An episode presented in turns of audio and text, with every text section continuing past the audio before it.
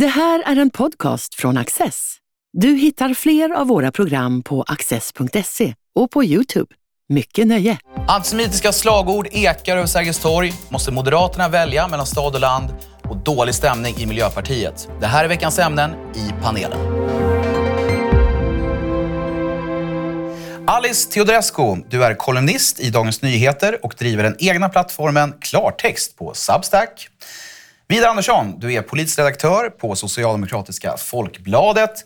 Och Hanne Kjöller, du är kolumnist i Dagens Nyheter och frilansjournalist. Ja. Varmt välkomna alla tre, säger jag till er. Tack. Tack. Det har gått några veckor sedan terrorgruppen Hamas illdåd mot Israel och sedan dess har ett flertal demonstrationer till stöd för Palestina hållits i städer runt om i världen. Så även här i Stockholm. I söndags fylldes hela Sergels torg av människor som skanderade antisemitiska slagord och ramsor. Dessutom spreds ännu en gång lögnen om att svenska myndigheter kidnappar muslimska barn. Jag tänkte börja med att fråga dig, Alice Teodorescu, vad tänker du när du ser de här bilderna från Sergels torg? Eh, jag blir rädd när jag ser bilderna från Sergels torg. Eh, därför att det är eh, för första gången som jag tror att alla blir varse vilka enorma problem Sverige har. Och problem som bottnar i att vi inte har tagit en ordentlig värderingsdiskussion. Och det man ser här det är ju dels de som aktivt uttrycker de här uppfattningarna eh, och som utgör ett direkt hot mot den judiska minoriteten i Sverige. Men det som också är slående det är ju den enorma kompakta tystnaden från vänsterhåll. Från den vänster som ägnat, eh, egentligen sedan SD kom in i riksdagen, all sin tid åt att brunsmeta, åt att dra paralleller till 30-talet, åt att relativisera förintelsen. Och nu när fler judar än eller sen förin- förintelsen dödades under den 7 oktober så är man tyst, man försöker relativisera, man försöker sätta i en kontext. Man kan inte bara kompromisslöst ta avstånd från eh, det här. Och eh, den här antisemitismen som finns, eh, som ges uttryck på Sergels torg, den finns ju inom vänstern, bland vänsterns väljare och inte minst i den väljargrupp som Socialdemokraterna har gjort sig ganska beroende av.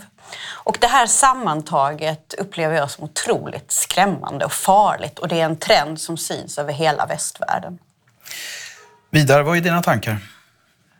Nej, de går ju ungefär i samma linje som Alice naturligtvis. Alltså att det är fruktansvärt. Men när det händer en sån här sak, alltså Hamas angrepp på Israel, så spricker fasaderna upp. Alltså det blir tydligare var vi befinner oss.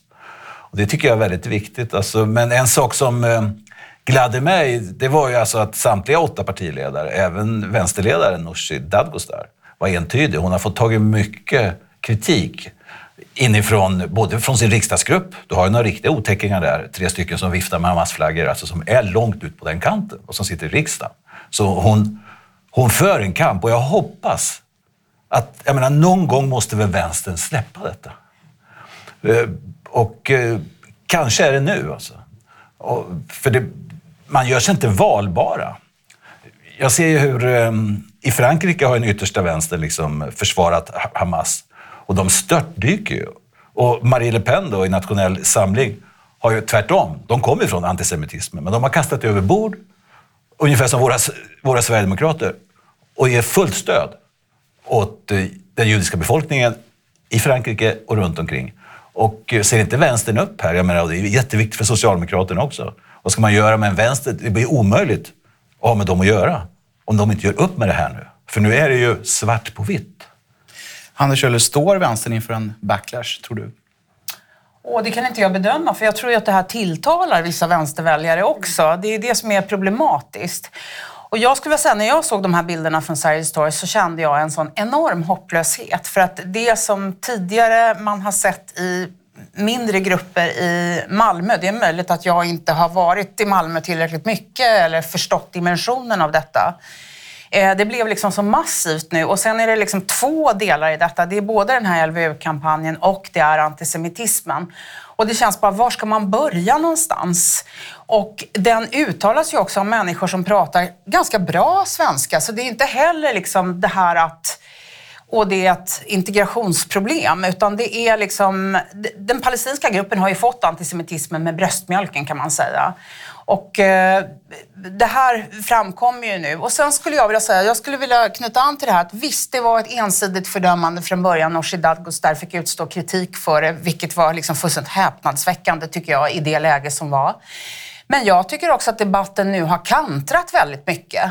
Och nu är liksom pressen på Israel att, att de ska visa liksom besinning och det ska de göra enligt krigets lagar. Och, och man, man, ska naturligtvis väga in att det är svårt att rapportera inifrån Gaza. Men det jag saknar i de bilder jag ser på nyheterna, det är ju liksom upp... Jag ser inte att några reportrar ställer frågor återigen med reservation för att det kanske görs av de som är inhemska där. Men när man kommenterar det här med Israels blockad av vatten, elektricitet och allt möjligt, där Israel har sagt släpper ni gisslan så öppnar vi kranarna. Varför är det ingen som ställer frågan, eller jag har i alla fall aldrig hört att någon har ställt frågan till de människorna som står där och är både förtvivlade och arga, begripligt, att varför liksom är ni inte arga på Hamas? Hamas kan ju lösa detta åt er. Eh, och det, och det är liksom, jag tycker att vi har ju i Sverige en lång tradition, genom inte minst Socialdemokraterna, att stödja den palestinska sidan. Och jag tycker att det kommer igen här, för vi kan liksom inte ha gjort fel. Och jag tycker att den här biståndsdebatten blir väldigt eh, eh, intressant också. Att man, jag tycker att det finns skäl att fråga sig att det bistånd som vi har givit, som inte handlar om vatten utan som handlar om demokratisering, ja, hur har det gått? Har, har, det blivit mer demokratiskt?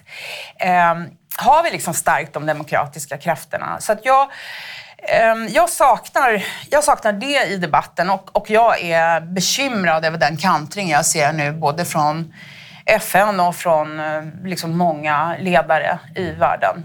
Och jag ty tycker också att man ska försöka sätta det i en kontext. Vi har ju typ ett decennium av en eh, idé kring en maktordning som kommer från de amerikanska universiteten och som har letat sig in i hela Västeuropa eh, och där man också just talar om starka och svaga förövare, offer. Och det blev också väldigt tydligt när den här nyheten om eh, det sprängda sjukhuset i Gaza kom och Magdalena Andersson och med flera, hennes frihetskämpe Jamal El-Haj, eh, när de då går ut och genast, på, baserat på uppgifter från Hamas, som alltså precis har dödat enormt mycket människor, torterat, kidnappat, gjort fruktansvärda saker.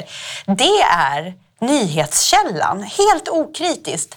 Medan då det Israel lägger fram, det ses som en partsinlaga, det är någonting som behöver granskas av tredje man. Det är hela tiden en kantring här som visar var eh, den förmodade lojaliteten, alltså vad, vad, man tar för givet är sant och det är alltid till Israels nackdel. Det säger någonting. Man kanske inte går ut och skanderar att man ska utrota judar, men den förförståelsen för konflikten, den innebär ju också att man ifrågasätter Israels rätt till självförsvar. Och jag menar att den kamp som Israel nu för det är den kampen som vi också behöver föra därför att den handlar just om konflikter mellan olika värderingar, mellan olika världsbilder och vi har abdikerat från det ansvaret. Jag gjorde en intervju med Johan Persson häromdagen och det var väldigt intressant att se att allt fokus handlar om att ja, men, vi ska, vi ska dels skjuta till pengar i, ur ett kortsiktigt perspektiv för att säkra eh, de judiska församlingarnas skydd. Och långsiktigt så ska vi jobba med integration. Ja, men som du säger, många av dem är födda här. Det här är värderingar som inte beror på okunskap. Det är en världsbild som kolliderar och där vi också har gjort dem till offer som inte behöver ta ansvar. Och då blir det så här, men de slår uppåt. Nej, det gör de inte. Var är de palestinska demonstrationerna mot det som har hänt? I deras namn? Det undrar jag. Men när det gäller den här sjukhusbombningen så måste jag säga att jag, som, jag är inte Mellanöstern-expert. Jag är inte expert på krigsföring. Eh, och det har ju varit väldigt mycket självrannsakan kring att medierna sa att det var Israel som hade bombat. Men jag måste säga ändå, från det jag sagt tidigare här så vet ni att eh, jag är ingen Hamas-kramare på något sätt. Men jag tänker nog som vanlig mediakonsument att om det smäller bomber i Israel, då är det Hamas som har avfyrat dem. Och om det smäller bomber i Gaza så är det Israel som har avfyrat dem. Så att den reaktionen kom plötsligt kom först. Sen, dementerade ju, eller sen förklarade ju Israel detta. Men jag tycker inte att det var jättekonstigt. Det finns liksom fast, andra fast saker jag tycker är konstigt. Andersson har ju sen då inte reviderat det hon sa och det säger någonting. Mm. Och det är det som är skrämmande här, att hade någon annan gjort samma misstag så hade det varit ett jävla liv, för, ursäkta språket, från vänsterhåll. Men det är det inte nu, mm. utan det får stå kvar. Jo, men alltså det är ju så att det pågår ju en eh, en kamp här, jag menar, om eh, verklighetsbilden, om hur saker och ting förhåller sig.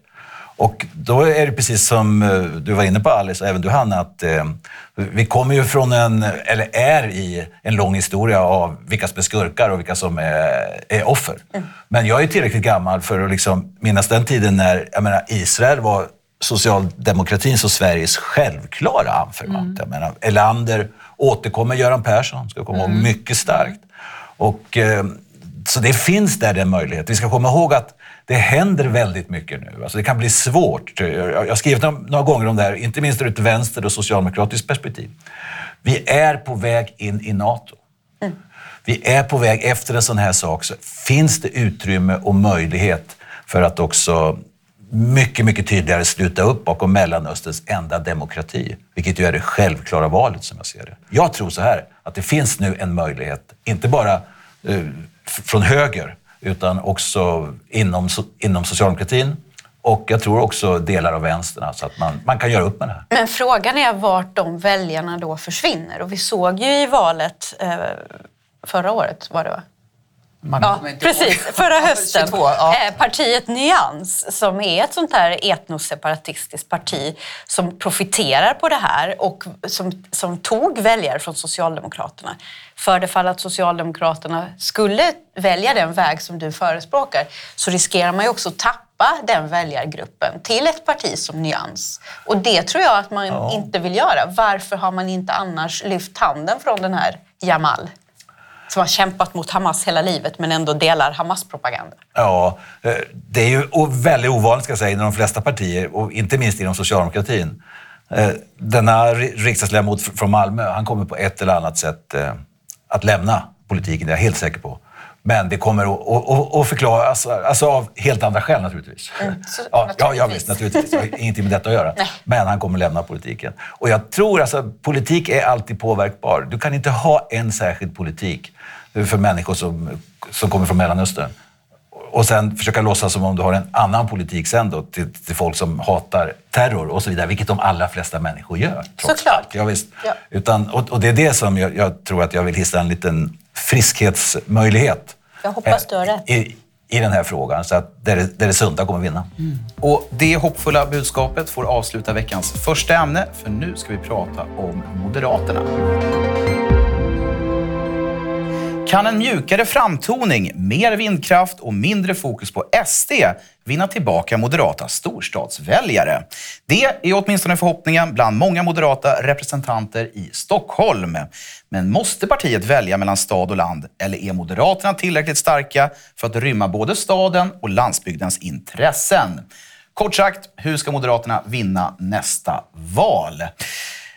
Vidar Andersson, nu är det kanske inte ditt jobb som redaktör för Socialdemokratiska Folkbladet att få Ulf Kristersson återvald, men du kanske ändå har några tips till Moderaterna i det här läget? Ja, det kan man väl säga. Och, och i det här läget, alltså med de problem som Sverige har, eh, så eh, har jag svårt att se att någon annan regering skulle kunna vara på plats. Sen hoppas jag gärna att vi kommer tillbaka nästa val. Men just att ta itu med, eh, dels med hela energifrågan, ta itu med kriminaliteten eh, och ta itu med den misskötta invandringen. Det tror jag inte den andra, andra sidan hade förmått. Utan jag tror väljarna gjorde ett, eh, ett rationellt val där. Sen hoppas jag att vi kommer igen nästa gång.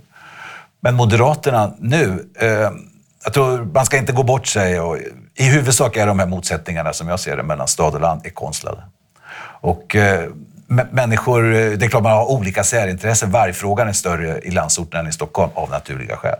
Och eh, bensinfrågan eh, är större i glesbygden än vad den är i Stockholm, Göteborg, Malmö och sånt där. Det, menar, det är självklarheter och där får man ju balansera lite. Men man ska inte göra det till någon stor sak. Utan hur, man, ska ju ha en sån politik. Och, och jag tror ju för Moderaterna, när man ser på när näringslivet lyfter upp den allra viktigaste frågan så är det kriminaliteten.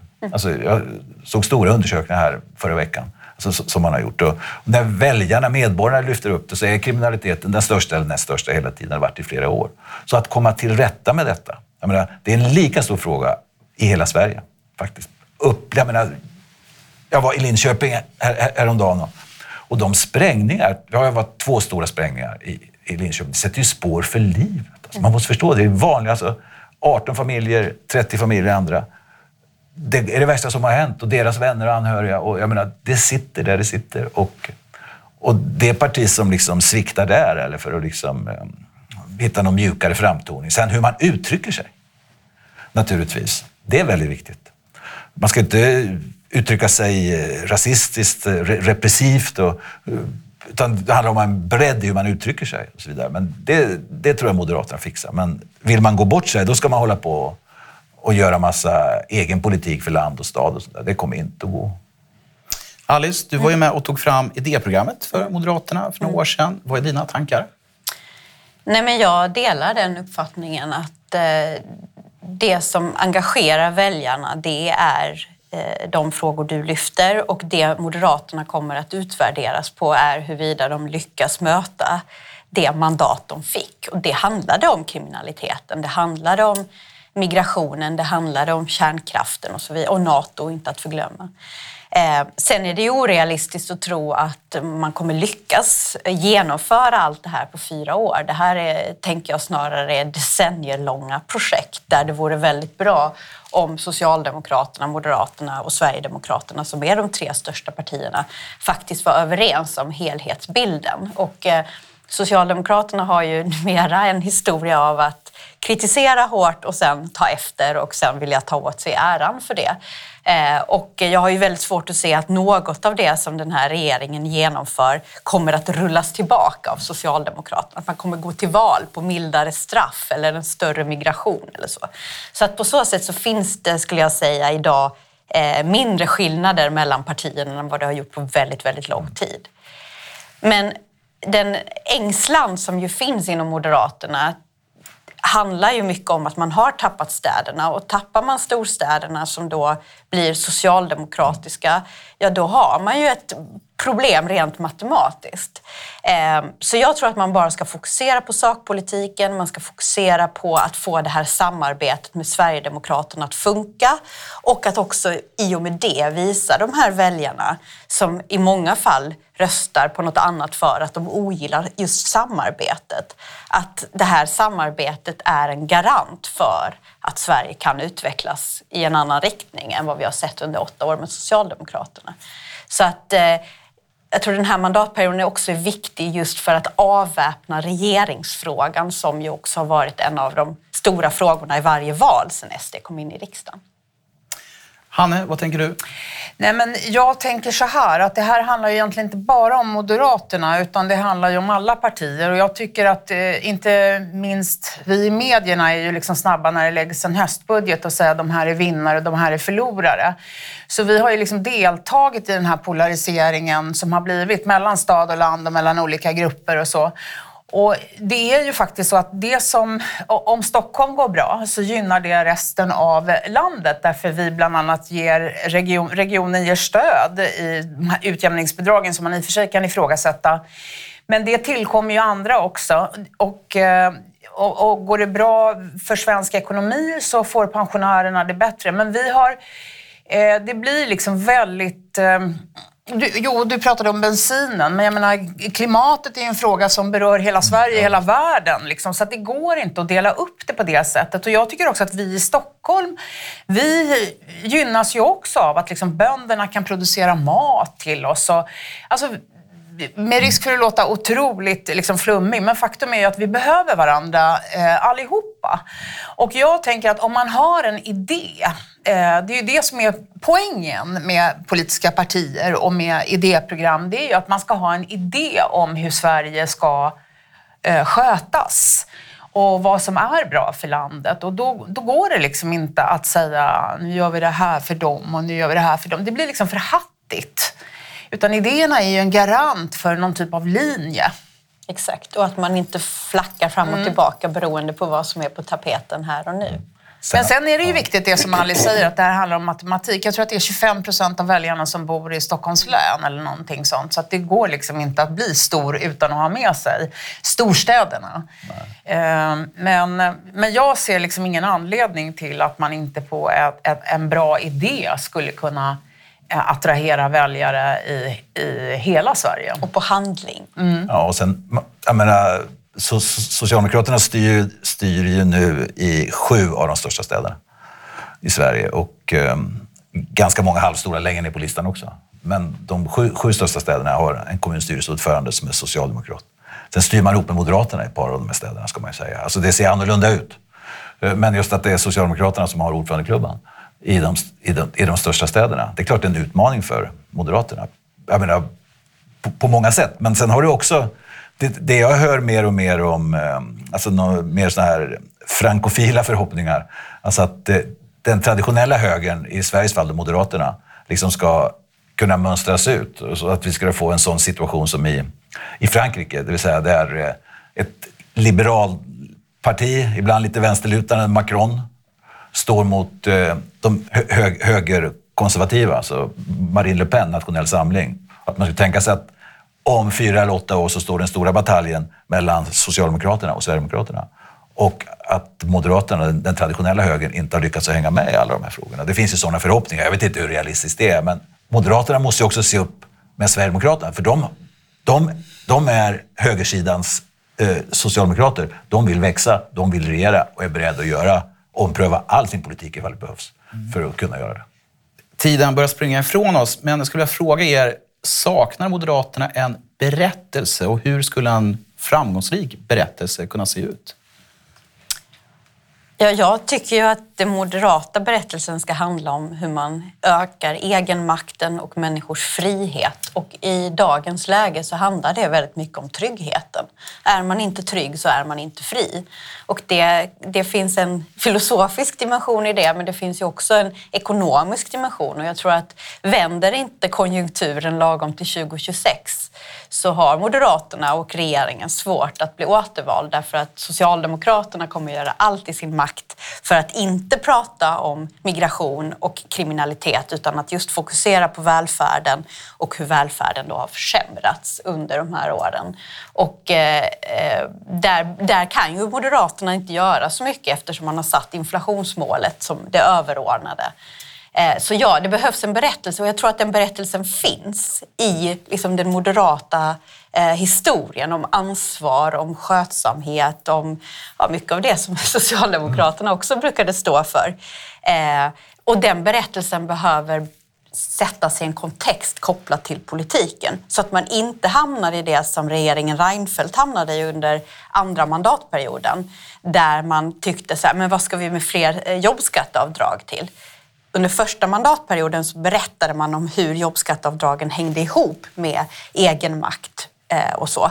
Det gjorde man inte under andra och då blev det då hängde det bara i luften och det måste man passa sig för att inte återupprätta. Ja, slutord där, för nu ska vi prata om Miljöpartiet. Häromveckan presenterade Miljöpartiets valberedning Daniel Heldén som kandidat till posten som nytt språkrör. Men förslaget verkar inte ha fallit i god jord hos alla. Det är sig inget märkligt när partier ska välja nya ledare. Problemet är att Miljöpartiets språkrör Märta Stenevi verkar vara den som har svårast för Heldén. Enligt källor vill Märta Stenevi bredda partiet medan Heldén hellre vill att MP blir ett mer renodlat klimatparti. Stämningen internt uppges vara mycket dålig, rapporterar tidningen Aftonbladet. Hanne Kjöller, vi har nyss pratat om moderata vägval. Hur knivigt är läget för MP? Jo, men jag skulle säga att det är väldigt knivigt och jag skulle säga att den situation som har uppstått är obegriplig för mig. Och jag tycker att det finns en väldigt lätt strategi. Men jag tänker så att om, om jag tänker att det finns en lätt strategi och jag pratar om ett parti som säkerligen har jättemånga egna strateger så måste det liksom vara någonting som jag inte har fattat. Och det jag inte har fattat då till exempel, det är Märta Stenevis eh, hållning och att hon har liksom, eh, profilerat sig på eh, sociala frågor och välfärdsfrågor och eh, avgiftsfria glasögon till barn och så vidare. Jag tycker det finns ju två partier som har de frågorna i sig själva, Socialdemokraterna och Vänsterpartiet, som har den här vänsterpolitiken. Medan miljöfrågan är ju då, eh, jag skulle säga att den är stor och den är växande. Eh, och vi är ganska många borgerliga väljare som, som är bekymrade över en rad saker på klimatområdet och på när det gäller natur och djur överhuvudtaget.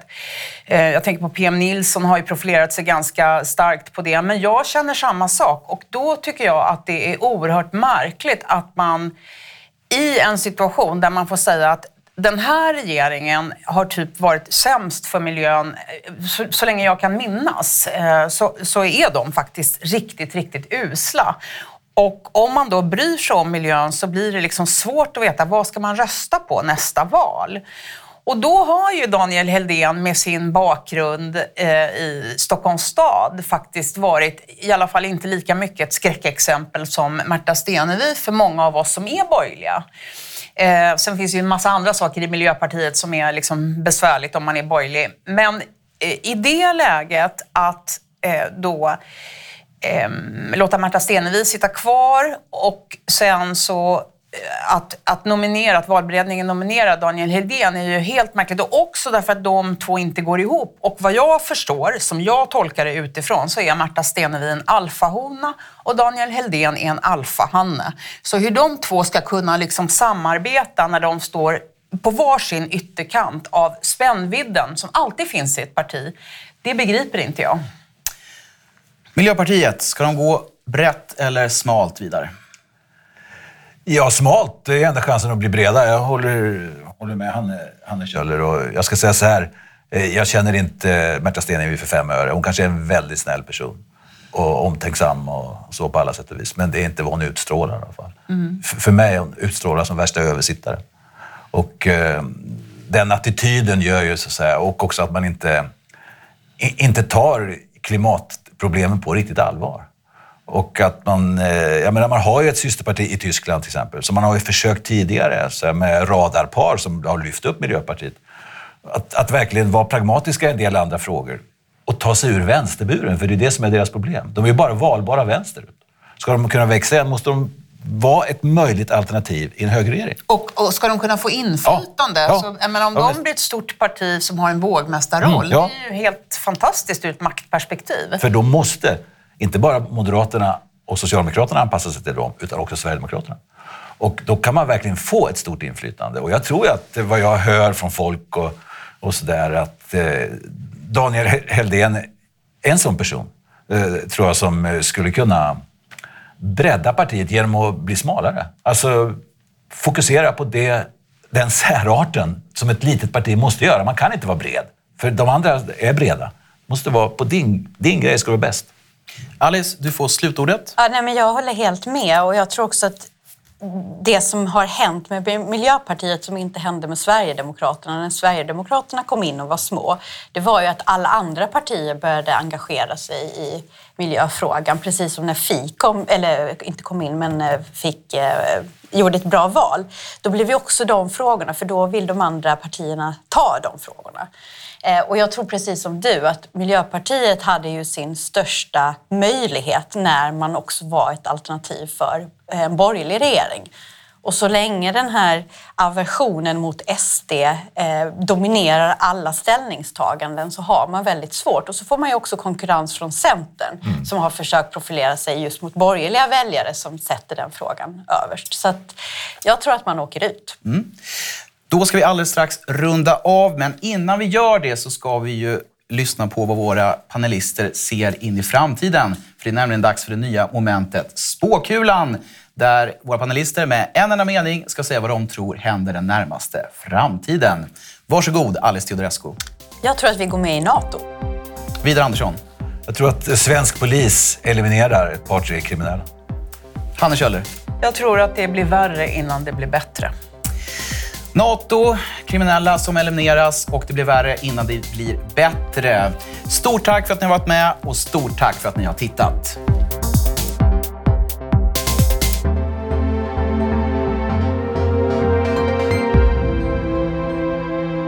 Du har just lyssnat på en podcast från Access.